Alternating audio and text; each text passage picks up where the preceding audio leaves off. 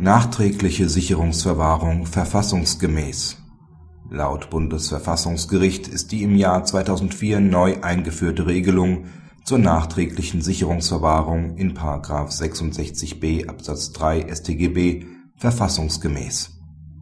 Die Verfassungsbeschwerde rügte, dass § 66b Absatz 3 StGB nicht mit dem Grundgesetz vereinbar sei die Vorschrift erlaubt die nachträgliche Anordnung der Sicherungsverwahrung in Fällen, in denen der Verurteilte zunächst in einer psychiatrischen Klinik untergebracht wurde und die Unterbringung dann nach § 67d Absatz 6 StGB wegen Wegfalls ihrer Voraussetzungen für erledigt erklärt wurde. Das Bundesverfassungsgericht nahm die Beschwerde nicht zur Entscheidung an, weil die verfassungsrechtlichen Anforderungen an eine nachträgliche Sicherungsverwahrung bereits hinreichend geklärt seien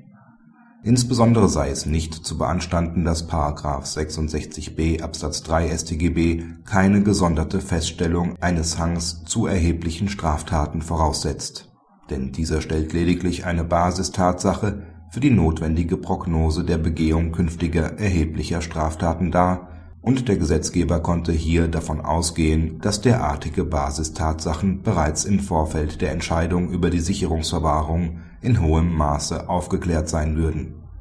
Das verfassungsrechtliche Verbot der Doppelbestrafung und das Rückwirkungsverbot waren hier nicht einschlägig, da sie sich nur auf Strafen, nicht aber auf Maßregeln der Besserung und Sicherung mit präventiver Zielrichtung beziehen.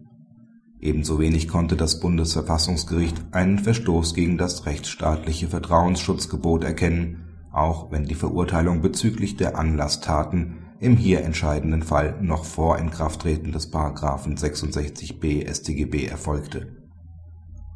Zwar handele es sich dabei um eine Rückwirkung von Rechtsfolgen,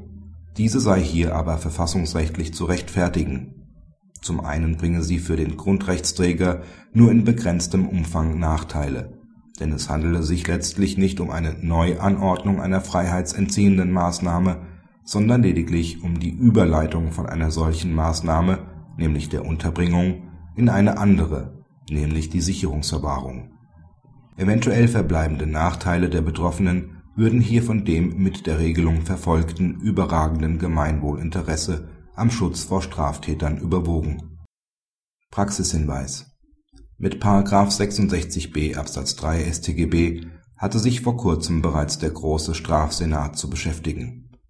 dass das Bundesverfassungsgericht die Vorschrift für verfassungswidrig erklären würde, war kaum zu erwarten, nachdem die Verfassungsrichter bereits in ihrer Grundsatzentscheidung zur Sicherungsverwahrung (NJW 2004, Seite 750) dem Sicherheitsinteresse der Allgemeinheit den Vorrang gegenüber dem Vertrauensschutzgebot eingeräumt hatten